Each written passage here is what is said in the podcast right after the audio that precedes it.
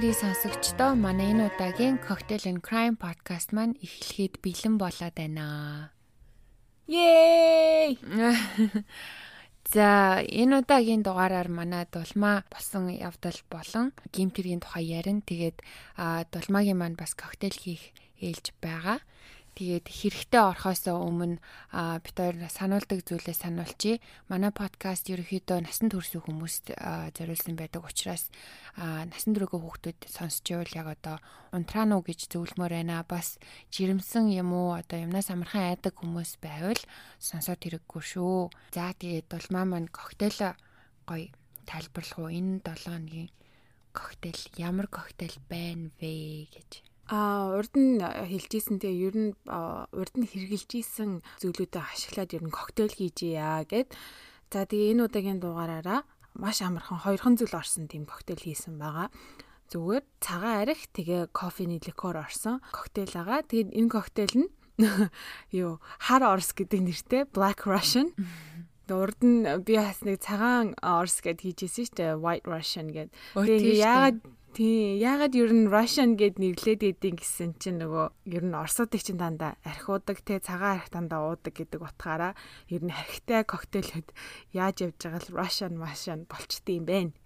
Аа, цагаан архитай коктейлнүүд үү? Тий. Яагаад тэгээ нэр нь тийм санаа аваад өгсөн юм шиг байна. За тийм коктейл энэ удаад сонгон хийсэн байна. Тэгээд манайхан туршаад үзээрэй. Хатуухан л юм байна. Тэхэл ах л та тий. Дан цагаан арх тэгээд кофе ликер гэхэр чаа. Тийш кофе ликер чинь бас өөрөө бас юу градустай эн чинь зүгээр биш. Тийм ээ. Хоёлын нэг кофетай юу анх хийж хахад тэр чинь байсан шүү дээ. Бас цагаан архтай дээрээс нь яг кофе ликер тэгээд кофетай байсан тий. Энэ болохоор яг кофег нь хасаал байгаа юм биш тий. Бараг тийм. Аха. Яг яг зөв зөв. Тэгээ кофенд дуртай хийдэн болохоор кофего нэмээд дургуун тэгээд долмагийн зааж өгж байгаагаар хийж үзэхгүй юу те. Орой уусны хэрэггүй ахаад энэ аяг бол амар кофеин мафинтай. Бүр сэргээч ч магадгүй. Тийм байна да тий. За нэг тийм коктейл байна. Аа. За тэгээд энэ удаагийн дугаараар болохоор ер нь нэлээд детальтай дугаар болох учраас бас юм деталийг ин амар төсөөлөн бодож айдаг хүмүүс ах юм бол бас сэрэмжтэй сонсоорой гэж сануулмаар байна. Аа энэ хүү хэрэг нь болохоор Америкийн нэгдсэн улс зүүн эргээр болсон байгаа. Washington DC тэгээ Нью-Йорк мууж хавар болсон.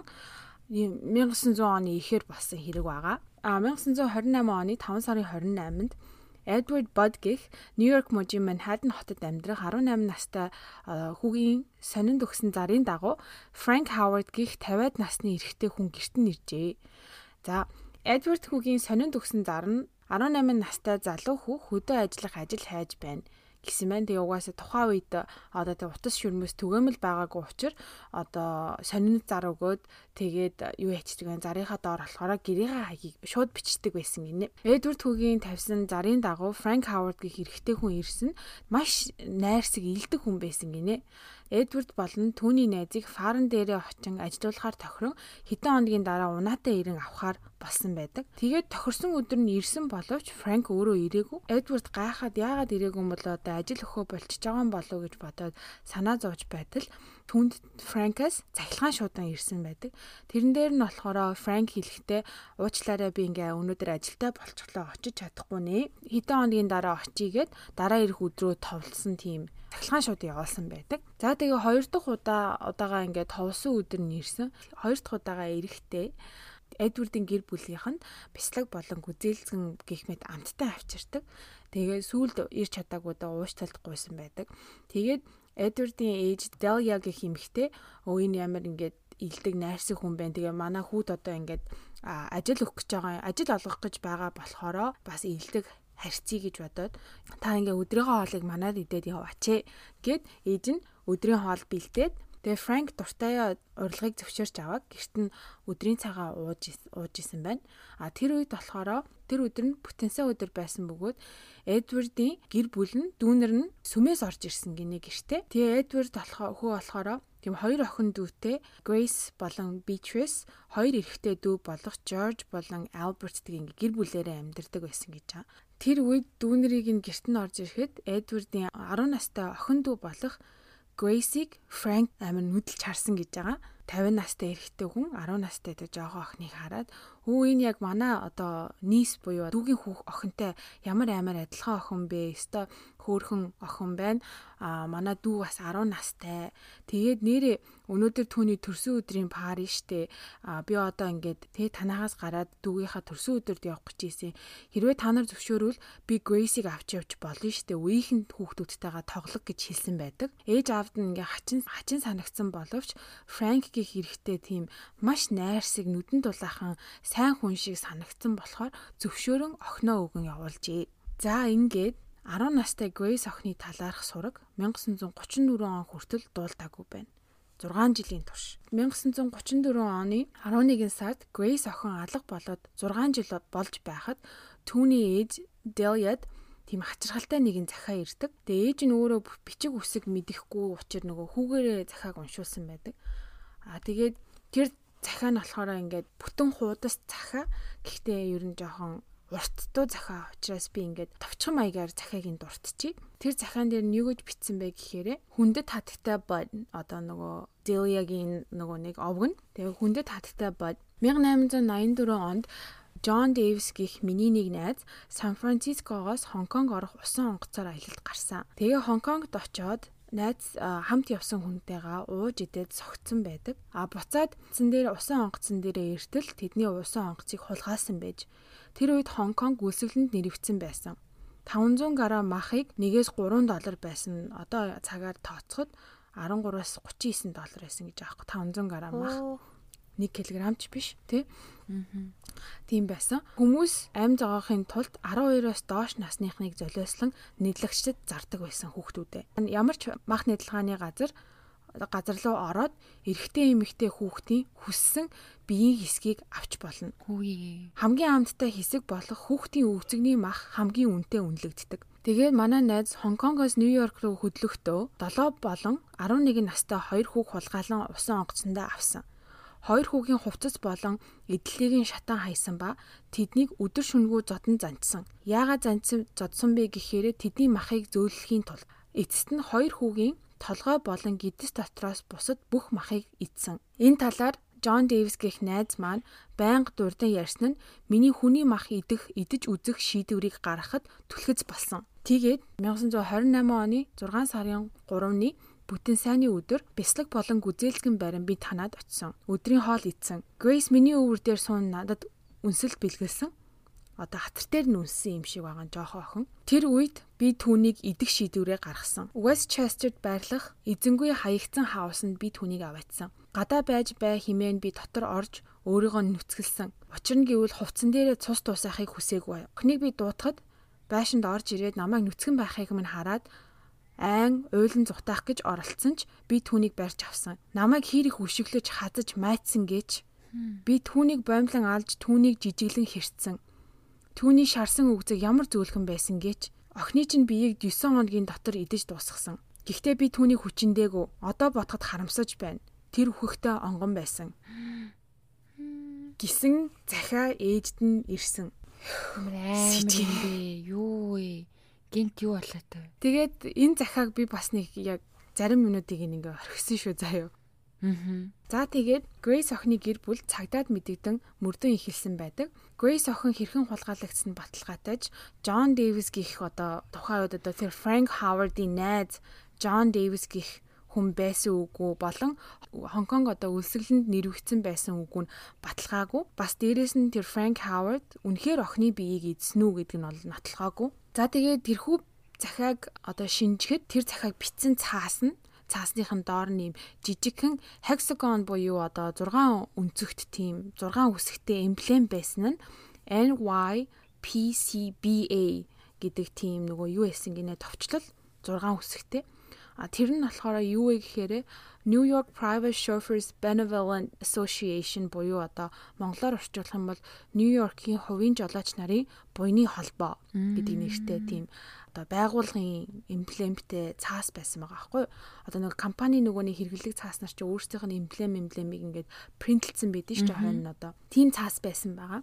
За тэгээд тэр байгууллагт очоод шалгалт хийхэд цэвэрлэгч цэвэрлэгчээр ажиллаж байсан нэгэн эрэгтэй одоо нөгөө байгуулгын эмблемтэй цаасыг гэрлүүгээ авч явснаа хэлдэг. Түүний байсан байр нь болохоор ингээд нийтийн байр одоо төр зүрийн байрлах байр гэх юм уу та. Тим төр зүрийн оршин суудаг байрээс юм бэлээ. Хөлсөн сууд. Түүний одоо төр оршин сууж байсан бай байршил руу очиход байрны эзэн эмэгтэй хэлэхдээ Frank Howard гэж байхгүй а харин энэ өрөөнд Albert Fish гэдэг хүн байсан. А харин хэдэн хоногийн өмнө байрнаасаа гарсан. Гэхдээ тэр эрэгтэй хүн чек явуулсан байгаа. Тэгээ намайг харин ингээ хадгалаад байж байгаарай гэсэн утгагүй хурж ирж мөнгөө авах байхаа. За тэгээд цагдаа нар те ер нь бол нэр нь Frank Howard ч юм уу Albert Fish ч юм уу энэ мэддэхгүй эрэгтэй эрхийг хүлээсний эцэст эрэгтэй ирсэн бөгөөд сайн дураараа хэлтэстээр очиж мэдүүлэх өгөх болжээ. За сайн дураараа явна гэснээ гинт прэдэг гаргаж ирснээ ингээ цагдаараа дайрсан гэж байгаа. Тэгэнгუთ цагдаа нар за энэ эрэгтэй бол ямарваа нэгэн учиртай хэрэгтэй холбоотой гэдг нь тогтооглоо гэд хүчээр хилцээр аваад чинь мэдүүлэг авахд тэр эрэгтэй бүх үннээ илчилсэн байдаг. Түүний нэр үнэхээр Frank Howard уу Albert Fish үү те. Жинхэнэ нэр нь болохоор Hamilton Howard Fish гэдэг нэртэй хүн. Тэрээр 1870 оны 5 сарын 19-нд Washington DC төрсэн бөгөөд Англи, Шотланд гаралтай А түүний эцэг Randall нь за юу ээжээс нь 43 насаар ах хүн байсан. А энэ Hamilton Howard Fish гэдэг хүн 1870 онд төрөхөд эцэг нь 75 настай байсан гэж. Амар хөшөө. Тийм шүү дээ. Ямар амар зөрүүтэй юм бэ? Харин тийм. Яагаад гэрэлсэн нь болол их сурулж байхгүй. Гэхдээ одоо бодохно тухайн үед нөгөө амар ядуурл их байсан болохоор тэр эцгийн жоохон мөнгөтэй хүн байсан байж магадгүй. Тийм учраас ээж нь хөгшин ч гэсэн хүнтэй суусан байх. Аа. За тэгээд Hamilton 5 хүүхэдтэй айлын хамгийн бага нь А түүний жинхэнэ нэр нь Hamilton Howard Fish боловч яагаад Albert гэж өөрчилсөн бэ гэхээр баг байхад нь ham and eggs гэж хүмүүс амар хочилдог байсан тэрэндээ дургу. Одоо нэг монголоор орчуулах юм бол and eggs ч одоо өндөг хям юм уу да. Хям өндөг. Тэгээ тэр хочинд Hamilton гэ нэртэй жоохон төстэй болохоор үеийнх нь амар шоглдог байсан. Тэгээ тэрэндээ өөрөө дургу тэгээ тэр хочоосоо салахыг хүссэн болохоор баг багтаа эндэж нас орсон ахыхаа нэрийг авсан байдаг. Тэр нь болохоор Albert. Тэгээд үүнээс цааш ингээд Albert Fish гэж явна. Зя. Түүний 5 настай байхад эцэг нь цус харван нас ордог. Түүний эцэг нас орсны дараа ээж нь дөрвөн хүүхдээ асран хамгаалах чадваргүй байсан учраас хүүхдүүдэд асрамжийн газар хүлээлгэн өгсөн байна. Albert Fish-ийн байсан асрамжийн газар тийм маш харгас газар байсан хэмээн өөрөө сүлд дурддаг. Баян зодон занчуулдаг. Мөн тэнд байгаа хүүгүүд бүр ингээд хийж болмооргүй хүүхдүүд хийж болмооргүй тийм бузар босромог зүйлсийг их хийдэг байсан. Одоо нөгөө нэг асрамжийн газрын ажилчдын шахалтаар гэж байгаа байхгүй. Нэг осондоо бол амар их хүчрхийлэлд өртдөг байсан тэр асрамжийн газарт. Түүний өөрийнх нь хэлснээр тэнд байх хугацаанд сэтгэл санаа болон бие бие мах бодонд ингээд өөрчлөлт гарч эхэлсэн бөгөөд байнга зодож занцуулахдаа мэдэрдэг байсан тэр одоо өвдөлт мэдрэмжийн сүултээ таашаал болон хувирсан бөгөөд одоо харин ч илүү тамлуулж зодуулахыг ирмэлцдэг болсон байна. Тэгээ тэрэн сүултээ бүр юм бэлгийн таашаал авахд хүргэж зодуулах үедээ хүртэл ингэж сэрлэн хөдөлдөг байсан гэж байгаа юм заяа. Тэр асрамжийн газар Альберт 5хан жил байсан. 5 наснаас 10 нас хүртэл. 1880 он буюу да Альберт 10 настай байхад ээж нь тогтмол ажилтаа болон хүүхдүүдээ өөр дээрээ хүлээн авсан. А тэгээд 2 жилийн дараа 12 настай байхдаа Альберт анх удаа ийм relationship буюу романтик харилцаанд ордог байгаа. А тэр нь болохоор цахилгаан шуудан дамжуулдаг тийм банд байсан. Тэр хүү банд нь болохоор Альбертэд ингээ бас ингээд маш их юм зааж өгдөг. Арх хамтлуулаад зогсохгүй, шээс уух болон coprophagia буюу хүний ялгадас итгэхийг зааж өгсөн байдаг. Тэр байдлаас нь харахад үерхжсэн банд нь бас өөрөө тийм юм гаж сонирхолтой гаж зүйлээс таашаал авдаг байсан байгаа. Тэр бандтай ингээд нийлж одоо нэг осондоо үерхэж эхэлснээс хойш хүний одоо ялгадас идэж юм бэлгийн таашаал авдаг Тэгээд энэхүү байдал нь одоо Альбертийг олон нийтийн одоо халуун усны газар очиж одоо хөвгүүдийн хувцаа тайлах болон нүцгэн байдлыг харан таашаалаа хангахад хүрэгдэг. Тэгээ бас ингээд 0 молоор амир ингэж хисүүчлэн явдаг. Амир сонин одоо дуртай өөрт нь таалагдсан эрэгтэй хүүхэд гэх юм уу да одоо тийм хүмүүсийн араас явж байгаа ингээл нэг одоо шээс басыг нь идэх ч юм уу үнэртэх маягаар тэгж бэлгийн таашаал авдаг байсан гэж байгаа. Заваа юм бэ. Тий юу. За тэгээ иймэрхүү байдлаараа өсвөр нас нь өнгөрч 1890 онд 20 настай Альберт Нью-Йорк хот руу нүүн тэнцэнэ сууршдаг бөгөөд өөрийгөө тэтгэхийн тулд биеэ үнэлж эхэлдэг. А мөн сүулт дурдахдаа эрэх тэр үедээ эрэгтэй хүүхдүүдийг бэлгийн хүчээр хилүүлд оруулж эхэлснээр дурддаг 20 настайдаа. Тэгээд 1898 он буюу 28 настайд нь ээж нь өөрөөс нь 9-р дүү Anna Mary Hoffman гих бүсгүй одоо гэр бүлтэй нь ингээд ярилцаж тэр хоёрыг хооронд нь суулгасан байдаг. Albert Anna-тай суугаад 6 хүүхэдтэй болдог байгаа. Тэгээ их нэртэйгээ байх хугацаанд эрэгтэй хүмүүстэй явдаг байсан мөн эрэгтэй хүүхдүүдийг хүчрхийлдэг байсан гэж байгаа. Хүүхдүүд хүүхдтэй ингээ бүр бүр амар бага насны хүүхдүүдийг амар хүчрхийлж одоо молест хийдэг байсан гэж байгаа. Одоо хүчрхийлдэг байсан хүүхдүүд нь ихэнх нь 6-аас доош насны хүүхдүүд байсан гэж өөрөө сүулт хилдэг. Арайч тээ. Бүр нэлэх өөрийгөө ч хамгаалж чадахгүй зөв буруу юм болж байгааг ч мэдэхгүй хүүхдүүдийг одоо бай болгож хүчрхийлдэг байсан байгаа байхгүй юу. Тэгээ 1903 онд одоо хулгайн гинт хэрэгээр шоронд орсон бөгөөд шоронд байхдаа ижил хүүстэндээ одоо байнга бэлгийн харьцаанд орж байснаа дурддаг. Тэгээд энэ тухайд болохоор яг хэдэн жил шоронд суусан тодорхойгүй. Гэхдээ нэг ямар удаагүй юм шиг байгаа. Шоронгоос гараад тухайн үедээ уулздаг байсан нэг залуу нь түүнийг лааны тосон музейм руу дагуулж явсан байдаг. Тэр музей нь болохоор бас яг ямар төрлийн музей байсныг нь бол мэдээлэл байхгүй байсан. Гэхдээ тэр музейд явж байгаад ийм бодвол одоо шинжлэх ухааны зорилготойгоор ингээд дундуур нь ийм хоёр хуваасан эрэгтэй хүний ийм бэлэг эрэгтний үзүүрийг харсан байдаг. Одоо ер нь жоохон анатомиг нь харуулсан маягаар тий тийм үзүүрийг хараад түнд маш сонирхолтой санагдсан гэж байгаа. Тэр үеэс хойш ингээд sexual mutilation буюу одоо бэлэг хэрэгтнийг ирэмдэглэн таашаал авдаг тийм сонирхол сонирхолтой болж эхэлсэн. Тэр нөгөө музейд харсан зүйлээ ер нь бол фантаза ийм жинхэнэ амьдрал дээр одоо туршиж үзэхээр зорьсон байдаг. Тэгэж явж байгаад 1910-ад онд Delaware мужид ажиллаж байхдаа 19 настай Томас Кеден гих залуутай танилцсан тийм дотн харьцаа үүсгэсэн байдаг. А тэгээ тэр хоёрын одоо харьцаа тийм энгийн нэгэн харьцаанаас өөр байсан. Sadomasochistic relationship буюу одоо садист тэгээ masochist харилцаа байсан. Садист ч нь болохоор нэг хүнийг яргалж таашаал авдаг. Masochist ч нь болохоор өөрөө өөрийгөө яргалуулж тийм таашаал авдаг. Тэгээд тэр хоёрын хооронд ийм харьц бэлгийн гаж тийм харьцаатай байсан гэж байгаа. За энэхүү харилцааг болохоор Томас Кэден гихтэй тэр 19 настай залуу одоо сайн дураараа үйлцэн үгүй нь мэддэггүй. Учир нь гэвэл Альберт сүлд хэлэхдээ Томас хүү тийм жоохон мангардуу ерөн жоохон хөвгшлийн бэрхшээлтэй гэж дурддаг байгаа.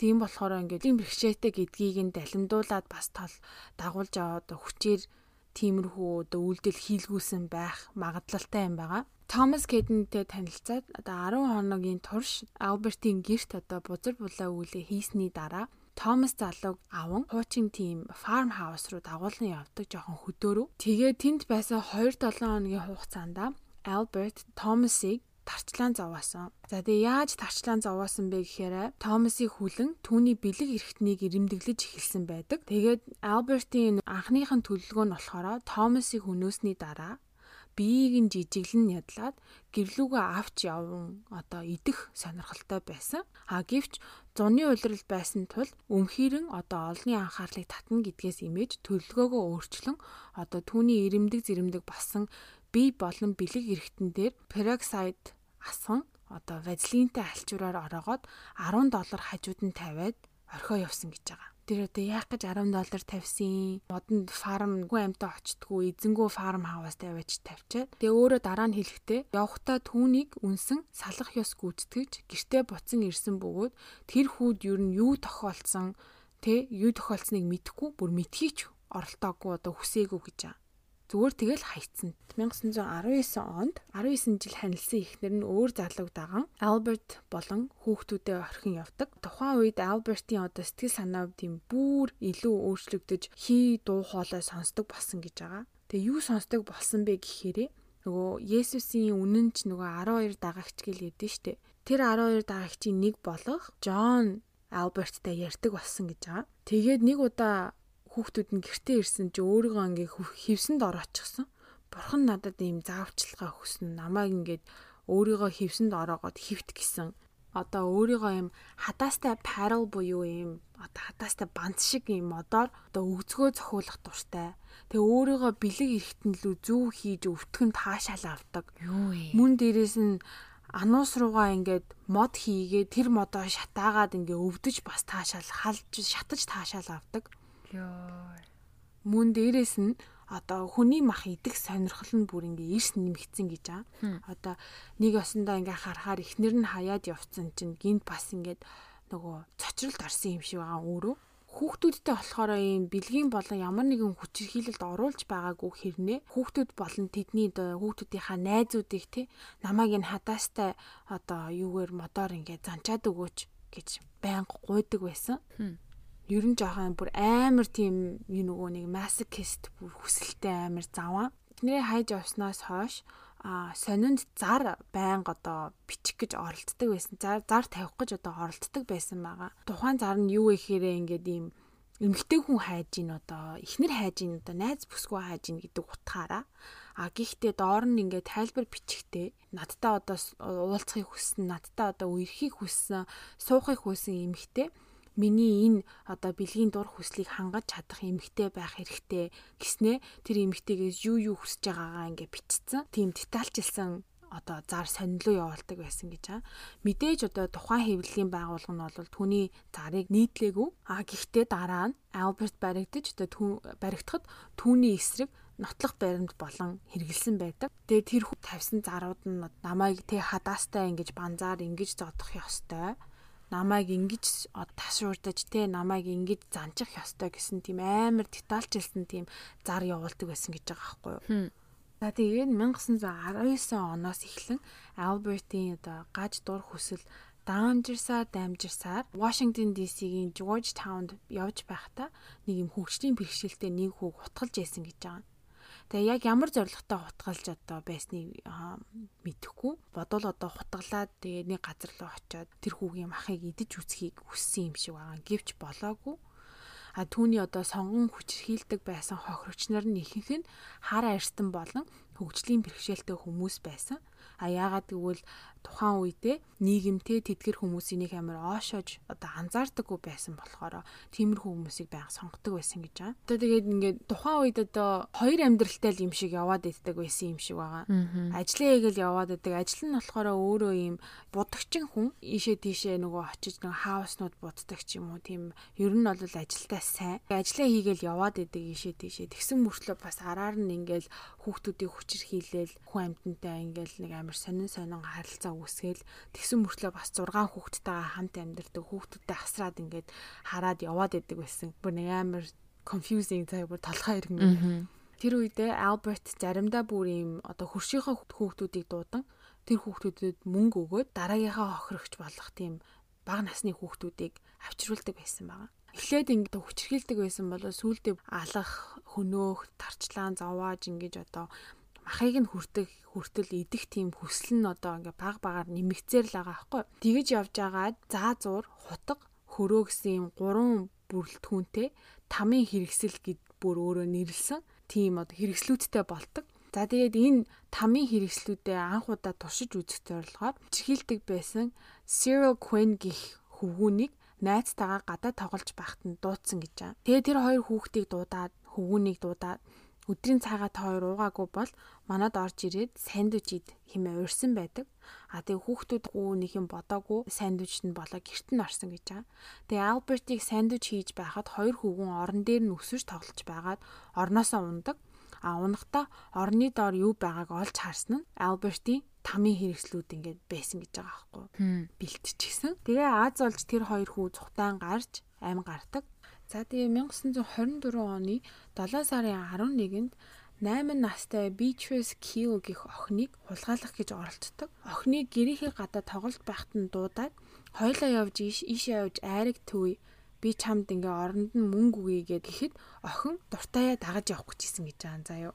Тэгээ яг охиныг аваад явах гэж байхад нь ээж нь гарч ирэн Альбертийг хүн явуулсан байдаг. За тэгээд Альберт хичнээн зүхтаа чадсан ч гэсэндээ тэр оройноо охины амьдрах фарм дээр ирэн одоо гэрийн хажууд байх амбарт нөгөө унтах гэж оролцсон гэж байгаа. Тэр жоохоо охин өөрт нь амар их сэтгэгдэл үлдээгээд тэгээд э, хийхийг хүссэн зүйлээ хийж чадаагүй болохоор ядаж хажууд нь ч гэсэн очиод унтчихийгээд амбар дээр нь очиж унтах гэж оролцсон гэж байгаа.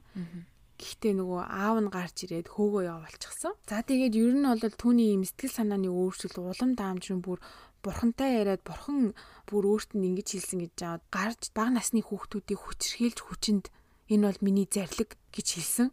Бүр ингээд солиороо тэгээ солиороод явсан солиорч байсан ч гэсэндээ 1930 оны 2 сарын 6-ны өдөр Stella Wilcox гэх эмэгтэйдээ гэрэлсэн боловч 7 хоногийн дараа салсан байдаг. Тэгээ тэр эмэгтэй бас юугаа бодож тийм сонин хүнтэй суусан юм бас. Харин тийм.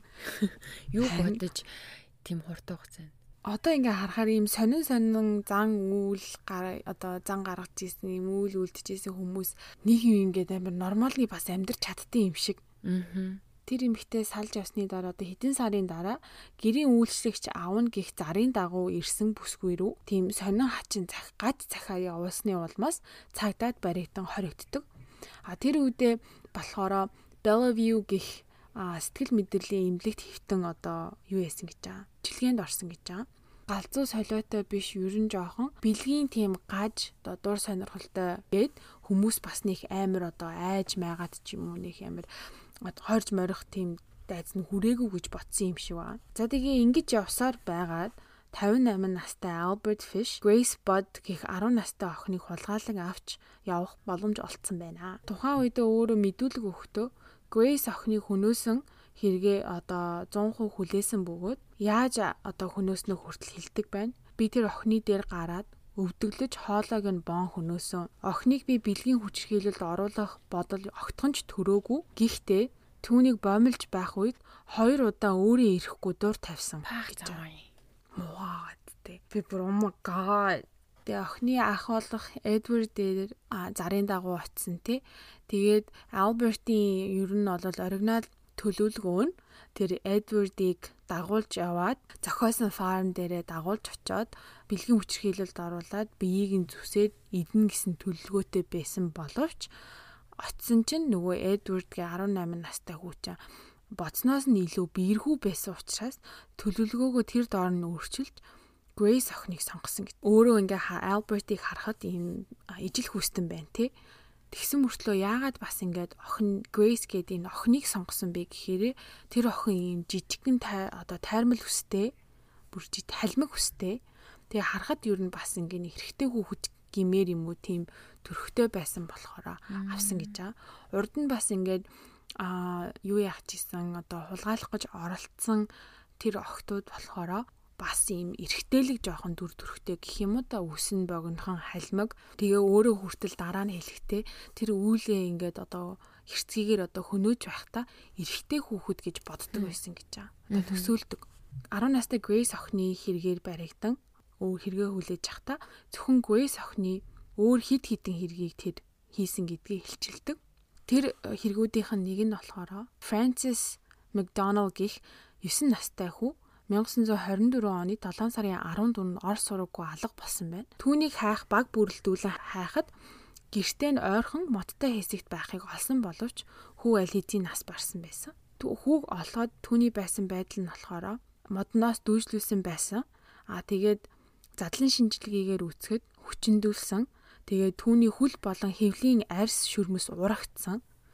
Зүүн хүлний булчин тэр чигээрээ урагдан ингээд салаад гараад ирчихсэн а мөн түүний хоолойг татвархан бүсээр нь орон хүнөөсөн байдаг. Францис хүүг хайж хахад найзуудаас нь мэдүүлэг авдаг. Тэгээд цагдаа нарт хэлэхдээ ийм саарл сахалтай хөвшин эрэхтэй хүн түүнийг авч явсан гэдэг. А тэгээ тэр хаваар амьдрах хурштэй айлуудаас асуухад Францистэй адилхан хүүгүн хөвшин өвгөнтэй мод руу явж байхыг харсан гэдэг. Мөн хүүгийн ээж хүүг алга болохоос өмнөхөн тэр өдрөө гудамжинд саарл үстэй, саарл сахалтай, тийм саарл хувцтай хөвшин хүн өөрөө өөртөөгөө ярин юм гараараа сонин үйлдэлхийн явж байхыг харсан байдаг. За тэгээд нөгөө нэг Альбертийн дүр төрхтэй ижилхэн болоод ингээд Альбертэд тулгаад хэлэхэд эхэндээ тэр хэргийг хийгээгүй гэж үгүйсгэж байж ийснаа сүүлд үннээ хэл хөвгүүний бэлэг эрхтэнг тайран засах гэж байсан боловч хүн дуурах чимээнээр зүхтан явсан гинэ. Өөр нэг хэрэг нь болохоор Billy Gaffney гэх хөвгүүний хэрэг байгаа.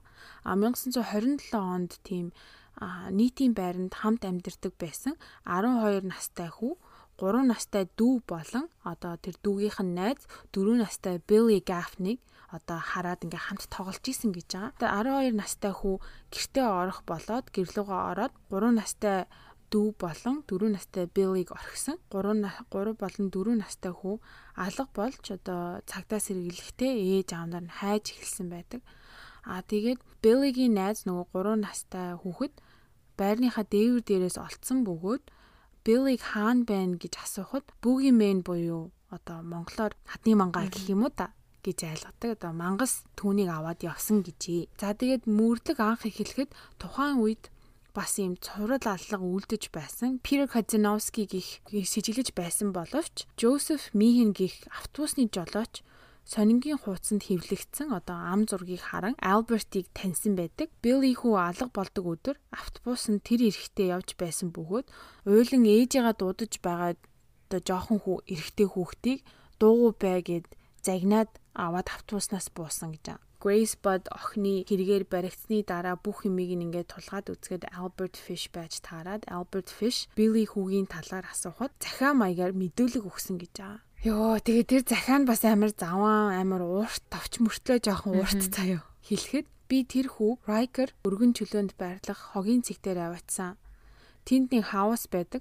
Би түүний хувцсыг тайчин гар хүлийг нь хүлж амийг нь хогон дунд олсон алчуураар тагалсан. Тэгээ түүний хувцсыг шатааж гутлыг нь хог руу хаясан. Би хүүг орхиод гэртээ хайрсан шөнийн 2 цагт багаж болон гараар уралсан ташуураа аав нь дараагийн өдрийн 2 цагийн үед очсон. Тэр ташуураараа хүүгийн үгцгийг цус урстал нь ташуурцсан. Тэгээд түүний чих хамрыг тастан авч амийг нь хоёр чих хүртэл нь зүссэн. Нүдийг нь ухаж авсан. Тэр үед хүү аль хэзээ нас барсан байсан. Тэгээд түүний хөвлий рүү хутга зон урсах цусыг нь би уусан. Дөрвөн ширхэг таашуудаа болон гар цүнх авчран түүний биеийг жижиглэж эхэлсэн. Түүний хамар чих болон гидснээс нь хитэн хэрчмийг цүнхэндээ хийсэн. Тэгээд түүний биеийг нь хүүс хэсгээр нь хоёр хуваасан бөгөөд өгзөг хэсгийг нь цаасанд орон цөнхөндөө хийсэн. Толгой, гар, шуу, өвдөг хэсгээр нь тастаж шууданд чулуутай хамт хийн замын хажуугаар урсах муу ус руу шидсэн. Цүнхэлсэн махаа ааван харьсан. Түүний урт тал маш их таалагдсан амттай байсан. Түүнийг бэлэг эрэхтэн болон өөхлөг үгзэг шарж идэхэд үнэхээр тохиромжтой байсан. Чих, хамар болон нүүр гидсний хэсгүүдтэй хамт шүл хийж уусан. Би тэр шүлэндөө сонгон, луван, манжин, давс перц хийсэн. Үнэхээр амттай. Тэгээд түүний үгзгийг ярж байгаад бэлэг эртнийг нь тастан дараа нь угаасан. Өгзөгний махан дээр нь нэмгэн хэрцэн гахаа мах 50 шарсан. Сүмс гаргах зорилготойгоор 100-аас 15 минутын дараа гарган дөрвөн ширхэг сонгон болон ус хийсэн. 2 цагийн дараа маш зөөлхөн шүүслэг болсон байсан. Би хизээж түүний амтлаг өгцөг шиг мах идэж байгаагүй. Тэгээд түүний бүх хэсгийг 4 хоногийн дотор идэж дуусгасан. Түүний жижигхэн сармагчнууд гэдг нь одоо миний олгосноор төмсгнүүд нь самар шиг гоё амттай байсан ч түүний эргэтэн хатуу байсан болохоор би зажилж чадаагүй. Жорлон руу урсгасан химээсэн байна. Захаанда одоо мэдүүлэхтэй. Юу болоод байна? Би бүр бүр амар деталь бүр oh my god энэ гурван хэрэг дээр түүнийг тохож чадсан байдаг.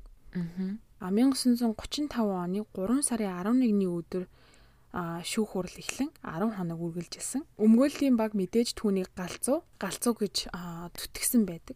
Учир нь гэвэл те одоо бурхан сонсдог. Бурхан намайг энэ бүх үйлийг хий гэж хэлсэн гээл илгэрчмд галзуу хүнл. Аа. Тэгж хэлнэ ш. Дээрээс нь түүний удамд тийм сэтгцэн имгэг маш олон байсан юм билэ. Авга ах нь солиорсон төрсөн нэг ахын сэтгэл мэдрэлийн имлэг дугаас хэвддэг бүр их ч нь болохоор бас тийм сэтгцийн өөрчлөлттэй бас ойр дотны 3 одоо хамаатнууд нь сэтгэл мэдрэлийн өвчтэй бас дээрээс нь ээж нь ингээд хий юм хардаг хийм сонсдог байсан гэж байна. За тэгээ өмгөөлийн багт ажилласан сэтгэл мэдрэлийн эмч Frederick Wortham хэлэхдээ Albert Fish бол сэтгэл мэдрэлийн одоо гоц сонин үзэгдэл учир нь хамгийн олон төрлийн бэлгийн гаж дур сонирхол одоо тийм хандлагатай хэрэгтнүүдийн нэг гинэ. Одоо нөгөө нэг урдны ингээл хэрэгүүдээс харахад necrophilia ч юм уу нэг тим тим байдаг те. А Albert Fish-ийн хувьд болохоор sadist, masochist тэгээ ташуур дуулах дуртай, нүцгэн биеэ олон нийтэд үзүүлэх дуртай. Бусдыг нүцгэн эсвэл одоо нүцгэн байх байдал эсвэл бэлгийн одоо үйл хийж байхад нь харж таашаал авдаг. А бусдыг хурц эртээ зүйлээр зүсэж бэлгийн таашаал авдаг. Хүний мах иддэг. Тэрнээсээ бас юм бэлгийн таашаал авдаг. Ер нь бүх юмнасаа ингэ бэлгийн таашаал авдаг. Хүний ялгадас идэх, шээ суух, та насанд хүрээгүй хүүхдүүдийг сонирхох, цогцтой бэлгийн харьцаанд орох гих мэт одоо хамгийн олон төрлийн гаж бэлгийн дур хандлагатай нийгэм байсан гэж байна. За тэгээд өмгөөлийн баг түүнийг одоо галзуу хэмээн галзуу гэхээр чинь одоо цаазаар авахгүй ер нь насаар нь ч юм уу тодорхой хэмжээнд нөгөө сэтгэц мэдрэлийн эмчит эмчлүүлэн хордог тий. Тэгээд өмгөөлийн баг түүнийг галзуу гэж батлах гэж нэлээд одоо оролцсон байдаг. Гэхдээ прокурорын талаас юм дөрвөн эмч мэрэгжилтэн шүүх хуралд оролцож одоо өөрсдийн судалгааг одоо тэдний одоо санаа оноог сонссон байдаг. Одоо хэлэхдээ ингээл хүний алгадас иддэг те одоо насанд хүрээгүй хүүхэд сонирхох монирхох энэ юу н галзуул байгаа бидтэй гэхэд тэр дөрвөн мэрэгчлэлтэн дөрүүлээ хэлэхэд хэлэхдээ энэ бол галзуу хүний хийдэг юм биш ээ. Энэ бол зүгээр л бэлгийн гаж сонирхол. Тэрнээс иш хүүхэд одоо насанд хүрээгүй хүүхдүүдийг сонирхсон хүн болгон бол галзуу биш сэтгэл мэдрэлээрээ бол ухаантай ухаалаг тийм сонголт хийж байгаа харин сонголт нь л гаж тийм учраас наад чин одоо галзуу биш гэдэг байгаа. За тэгээд эцэст нь шүүхийн бүрэлдэхүүн Albert Fish-ийг ер нь угаасаа галзуу гэж санал нийлж байсан хэдий ч эрүүл гэж тогтоодог. Яагаад гэвэл хоорондоо ярилцахдаа юу ч гэсэн энэ Albert Fish гэдэг хүн цаазаар авахулах ёстой. Эрүүлч вэ, галзууч вэ энэ хүн амьсгалаад яваад иж болохгүй гэдэг шийдэлд хүрээд Альберт Фишийг эрүүл гэж тогтоогоод 10 хоногийн дараа шүүх хурал дуусч түүнийг 1936 оны 1 сарын 16-ны орой 11-ийн цагт цахилгаан сандалд суулган цаазаар авчээ. За тэгээ энэ заван хүн хүчлээ. За түүний өмгөөлөгч хэвлэлийн баг хурал дээр хурал дээр дурдахдаа Альберт Фишийн гараар бичсэн хид хідэн хуудас одоо тийм сүүлчийн мэдүүлгээ бичсэн тийм захаа надад байгаа. Гэхдээ би үүнийг олон нийтэд дэлгэхгүй. Учир нь миний амьдралдаа уншсан хамгийн ичхүүргүй бузар бусармаг зүйлийн тухай битсэн болохоор. Хм. Таны ийм хэрэг байна. Albert Fish-гийн хүн болгонд юу н сонсч исэн бах. Одоо өвжийн нэрийн нэг шүү дээ бас. Аа. Ямар сэжин юм бэ? бүр детал нь бүр амар агаа зин. Би юусэн ингэж сонсож байгаа юм бэ? Бүр яаж аасан, яаж идсэн гэ би бүр Oh my god. Бүр ингээд үг өгүүлбэр чи ингээд хэлэх тусам үг өгүүлбэр чи ингээд бүр улам балиартай гэдэг шүү. Йоо. Тий улам аха бүр төсөөлөхгүй за ингээл гэл за энээс цааш баг байхгүй тэгэнгүүт дахиад улам үн зирээд ах юм. Ямар амар аим шигтэй. Гэтэ нөгөө нэг хамаг ёрон шиг шүүгэлсэн л амтан байна да бурхан. Тэгээ нөгөө нэг өөрийгөө бас юм тарчлан тарчлаан зовоож ингэж нөгөө бэлгийн таашаал авдаг байсан гэд тэгсэн штэ. Тий. Тэр явдлаараа ингээд өөрийнхөө бэлэг эрэхтэн лүү ингээд зүү ий зоодог байсан. Юу ээ. Одоо ингээд нөгөө шээснийхаа шээснийхаа сүв рүү эсвэл ингээд доошоогоо тэгээ бас ингээд өөрийнхөө ингээд өвцөг мөгзөг рүү ингээд зүү хийдэг. Хм тэгж тэрнээсээ бэлгийн таашаал авдаг байсан гэдэг жаа. Цаазаар авахусны дараа рентгений зургаар харахад түүний хөвлийн орчимд 29 ширхэг зүү байсан. Оо ямар сони. Амар агаад тэгээд тэрийг одоо хэдэн жил тэр дотор байсан нь бол мэддэхгүй хизэнээс эхэлж тэгэж өөрийгөө хийж хэлсэн чинь те. Аа дараа нь одоо явуулын яриа гэх юм уу да ингээд сууж муухтай ингээд ёо гэл тэгдэг байсан гэж аа. Аа за. Гэтэ тэрнээсээ таашаал авдаг. Ягаад гэвэл нөө зүүнэр нь дотроос нь өөрийг нь хатгаад өвдөгдөг. Гэтэ тэр нь өөрт нь юм таашаал болдог. Алхахтаа хүртэл тийм одоо тэгшгэн зөв алхахгүй байсан байгаа. Яагаад гэвэл нөгөө хевли дотор нь байгаа зүүннүүдээс болоод. Гэхдээ тэр нь өөрт нь маш таашаалтай гоё байдаг байсан гэж. Сони энэ тэр одоо хайшин хэвлийдэн зүү байна гэхээр одоо бодвол ийдсэн байж таарж гинүү те зайлгсан. Тэгэд э, яга боловсроод э, би засахт нь гарчдгүй юм бол би л тэгэж ойлгосон шүү дээ. Одоо нөгөө нэг өөрийнхөө бэлэг хэрэгтэн болон энэ цав мав доошоо ингэж нөгөө чигсээр агаад оруулсан. Тэрнээс иш ингээд мэдгүй зарим нь залгсан юм уу? Би бол ихэнх нь бол тэгэж доороосоо л оруулсан гэж. Ямар гаж юм бэ те? Тэр хүүхэд ахта зодуулаад гимцсэн болов зайлвал эсвэл ихсэн баг. Тэр яг нөгөө 5 жилийн турш тэр асрамжийн газар байхад бол өөрөө мэдүүлэхтэй хэлэхтэй бүр ингээд үнэхээр нөгөө нэг амсаж одоо ёстой босромог тийм амар хүчирхийлэл амссан гэж өөрөө хэлсэн. Бас дээрээс нь одоо хажууд нь байсан хамттай байсан хөвгүүд ч гэсэндээ тийм юм мэдэрснийг харсан өөрөө. Тэгээд тэрнээсээ болоод нэм сэтгэл санааны өөрчлөлт гарсан байх. Бас дээрээс нь нөгөө нэг гэр бүлд нь болоод ерөн сэтгцийн тийм өөрчлөлт дамжсан юм удам дамжсан юм байсан байх. Тэгээ ингээ хараад ахаар жоохон шизофрентэй байсан юм муу одоо дуу хоолой сонсдог, хий юм хардаг. Одоо мэдгүй одоо нөгөө гаж тийм сонирхолтой байсан. Тэгээд сүулдэ тэр дотор нь байсан юм даамж ирч муудаж явсаар агаад эхнэр нь хаяад явхад цочролд ороод илүү сэтэрч гарч ирээд бүр нэг юм ёстой төрөл төрлийн 9 шидийн юм ингээд холилдсон тийм байсан юм шиг санагдлаа. Аа. Тийм те тэр хий юм сонсож хий юм үздэг тэгээд бурхан бурхантай харьцдаг гэсэн. Тэгээ нөгөө юу яж магадгүй hallucinate хийж хийдэглээсэн байж магадгүй юм байна. Тэгээд гэтээ яг тэрийг үнэхээр тэгж хардаг сонсдог гэдгийг бас нотолж байгаа юм байсан болов зүгээр өөрийнх нь яриа юм эсвэл? Өөрийнх нь яриа. Тэгээд одоо энэ нөгөө нэг бурхан намайг одоо энэ хүүхдүүдийг аваад тарчлан заваагаад хөнөө гэсэн.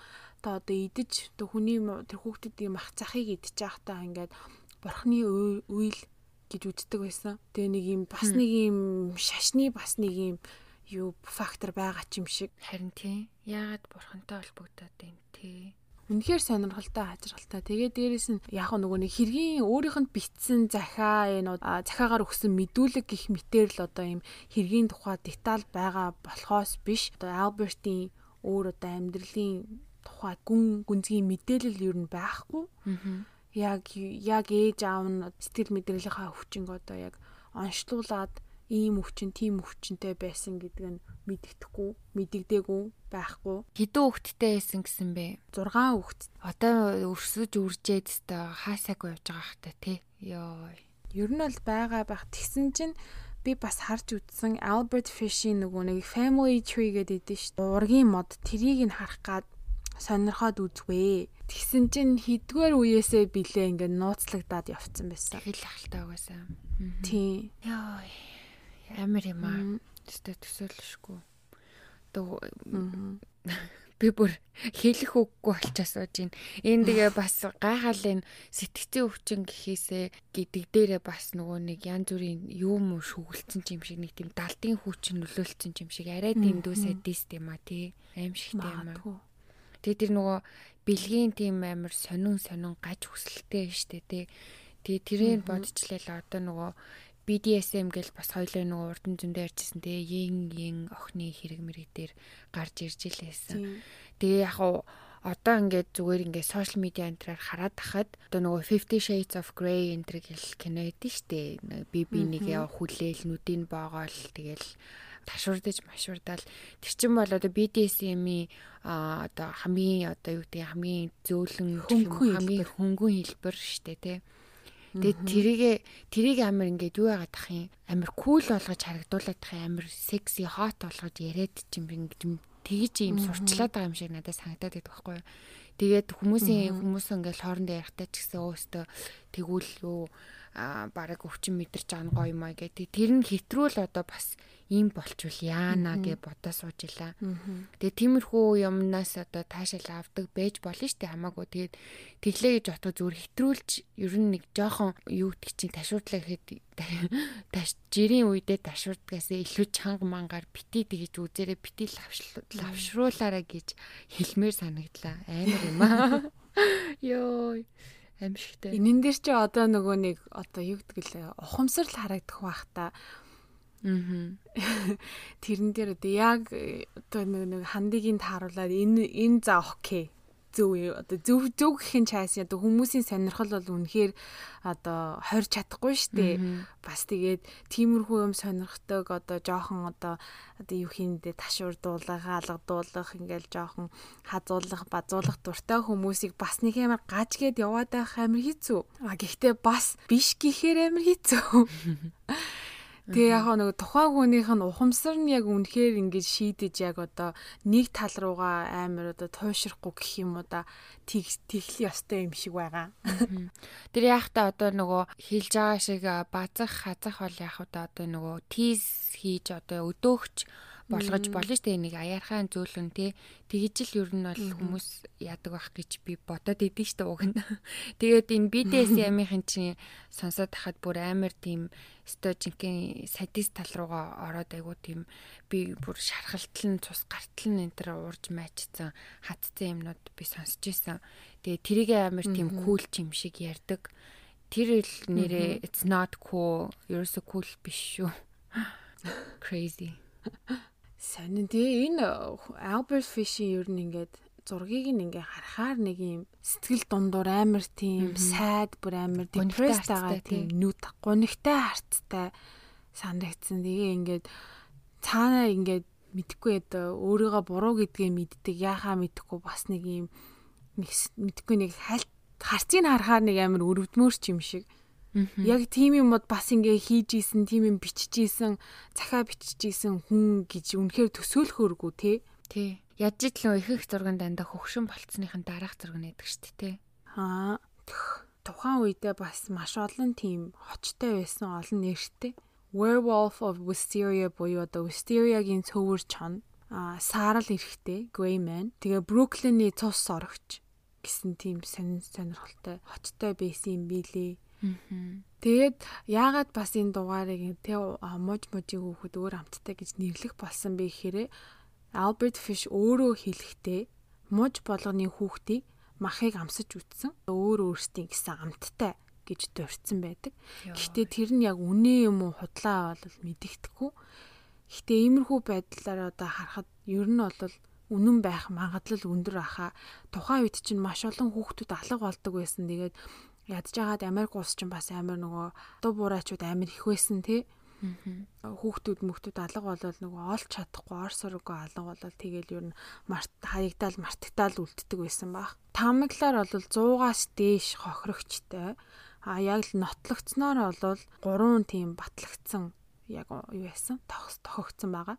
Тэгээ нөгөө нэг өөрийгөө цахилгаан сандалд суун одоо тэгээ цаазууд нь гэдгээ мэдээд басных амир тийм гунигтай байгаагүй юм билэ. Тэгээ яагаад гэсэн чинь одоо цахилгаан сандалд суух нь одоо одоо ямар догтлмоор юм бэ те хамгийн дээд зэрэгээр миний сэтгэлийг хөдлөх бах та гэсэн байдаг. Өөрөө тэгээд нөгөө masochist бүр нэг өвчнийг бүр мэдэрч ийж тэгэж таашаалгадаг болохоор баг цахилгаан сандалд суухаа одоо үцхээр ямар гоё юм бэ л гэж бодсон юм шиг байгаа. Нас орхосоо өмнө амар юм. Түүний сүүлчийн үг нь болохоор I don't know why I'm here. Би яагаад энд байгаагаа мэдэхгүй байна гэж хэлсэн гэж энд гэдэг нь хаана гэж хэлж байгаа юм бол дэлхий дээр юм болов тэр санал дээр юм болов бүр амар юу байгаа зү нуу нууцлагдмалч гэх юм бүр ингээд ухаатах юм бол амар олон талаасаа хэл тайлбарлагдаж болохоор хэлсэн байгаа. Тэгж хэлсэн байдгаа. За нэг нэг завхаа балай өвгний тухай юм байна чи сая нөгөө нэг ор сургуу алга болсон хүмүүс зөндөө байсан гэж ярьж ирсэн штэ. Тэгсэн чинь э, нэг ярьж исэн юм санаанд орчлоо. Нөгөө одоо нөгөө Clubhouse гэдэг аппликейшн амир одоолоод байна штэ. Тэгээд а манай одоо подкастыг сонсдог хүмүүс нэгдээд одоо нэг хэдэн өдөр юм ярьсан хгүй юу? Тэгээд тийж хахад ер нь хүмүүсийн яриаг сонсож байхад цагдаагийн ерхий газрын вебсайт дээр а нөгөө хоёлаа нэг 90 сурвалжилж байгаа с ิจ гтэй этгээдүүдийн зургийг одоо хүмүүст харуулж исэн шүү дээ тий. Тэгээд тэгсэн чинь тэрнтэй адилхан одоо нөгөө ор сургуу алга болсон хүмүүсийнх бас тэнд байд юм байна. Тэрийг ер нь нэг ороод манайхныг харцгаачж байгаарэ тий. Тэр ерөн сурвалжилж байгаа нь ч байдгсэн үү ор сургуу алга болсон хүмүүсийн зурагч байдгсэн үү. Ер нь нэг тэр царинуудын нэг нүдэлчж байгаарэ тэгээд юмыг яаж мэдхүү тий. Хүний 8 8 хил гараа явахаас өмнө ч юм уу эн тэнд явж явах хүн дагаад явж яхад нь олчих юм билүү те. Тэрийг бүр амар хэлмээр санагдсан. Тэгээ группийн тэр хүмүүс маань ч гэсэн тэр тухай айгүй хэмзгэлж авдаг хэлж ирсэн. Амар гой гой асуудал төвшүүлж ярьж исэн. Тэгээд та хэд маань бас нэгдэрээ. Гэтэ тиймэрхүү юмд ер нь жоохон мэдээлэлтэй байсан дээр л юм шиг санагддээ штэ. Аа хорвоо дэлхийн муу муухай амиг одоо өөрөөсөө одоо хит түлхээд яах вдэ хүний л амьдралын нэгэн хэсэг. Тэгээ яг хүн тулгаалагдсан ч юм уу нөгөө ийм амар амар юм болохоос нь за арай ч энэ амар балаа юм шиг Монголд байхгүй л халт. Гэтэ ер нь юмыг аж мэдгүй те? Аимшигт хэргийн хохирогч болохоос өмнө гярхаа байгаад те? Нэг ороод нэг 5 минутын дотор ингээд 5 минут зарцуулаа харсан юм чинь бүхэл хүний амь аврах юм билүү мэдхгүй шүү дээ. Тийм шүү дээ. Тийм. Тэгээ манайхан жоохон сонор сэрэмжтэй бүгдээрээ гоё би биендээ хайртай байё гэж дүрэлё гэж. Амьдтаа би бие хайрлаа. Тий. Маш сонирхолтой хэрэг байлаа. Тулмаада маш их баярлаа. Зүгээрээ. Аа, дотор амир эвгүй болчлаа. Би бол амир өсөж ийсэн. Тэгээ одоо би бараг юм идэхгүй юм шиг байна уу? Боллоо. Тэг скриптээ бичиж та. Үнэхээр завгүй байсан болохоор би яг энэний тухай уншиж та юу ийцсэн аахгүй. Хоолоо идсэн байхгүй юу? Аа Тэгэл яг дахианы мах амнаа эцтэй амар жажилж исэн чинь ёо түүний үгцэг ямар амттай байсан гэж гэл ороод ирсэн чинь би шүүд өөрөө ирэхгүй ингээд огсон бүр oh my god. Бүр амар сонин санагдаад бүр ёо боли бүр нөгөө нэг хоолоож идэж чадахгүй нөгөө юм уншиж чадахгүй нэг хоёрын хооронд юм болсон шүү дээ. Хэсэг зүгээр суув. Харин тийм хэсэг усууж зүгээр суус Нөгөө нэг ингээд аманд нөгөө дахианы мах амтагдангууд ингээд бодогдоод ёо ямар амар яа. Хэсэг усууд сууж нэг хэсэг шээ салтах шивтэй. За нэг иймэрхүү хэрэг байна аимшигтай. Гэхдээ Albert Fish-ийг нэг ямар мэддэг юм шиг мөртлөө бас мэддгүү байсан байгаа зэрэг уншаад үзсэн чинь Тийм байна. Үгүйсэн. Ерөөсөө ингэж деталь метал байдаг гэдгийг нь мдээгүй зүгээр ер нь одоо хүүхдэд амар хүчрхийлдэг, баа насны хүүхдүүдийг амар хүчрхийлдэг тийм гаж тонтой өвгөн байсан байна л гэж би бодож исэн чинь юу вэ? Багийн чаар наалдаг байсан шүү дээ. Аа. Яг үнэн би бас яг тэгэж бодож ирсэн. Бодож ирсэн жоохтой тэгэж нэг хальт сонсож ирсэн болохоос яг ингэж нэрээ яг юу хийж ирснийг нь сонсож байгаа юм байна. Тэгсэн чинь 9 шидэн бүрцэн амтан байсан шүү дээ бурхан минь. За за тэгээд энэ удаагийн дугаар манай дөгөө таалагдсан шиг манай сонсогч нартаас таалагдсан гэж найдаа.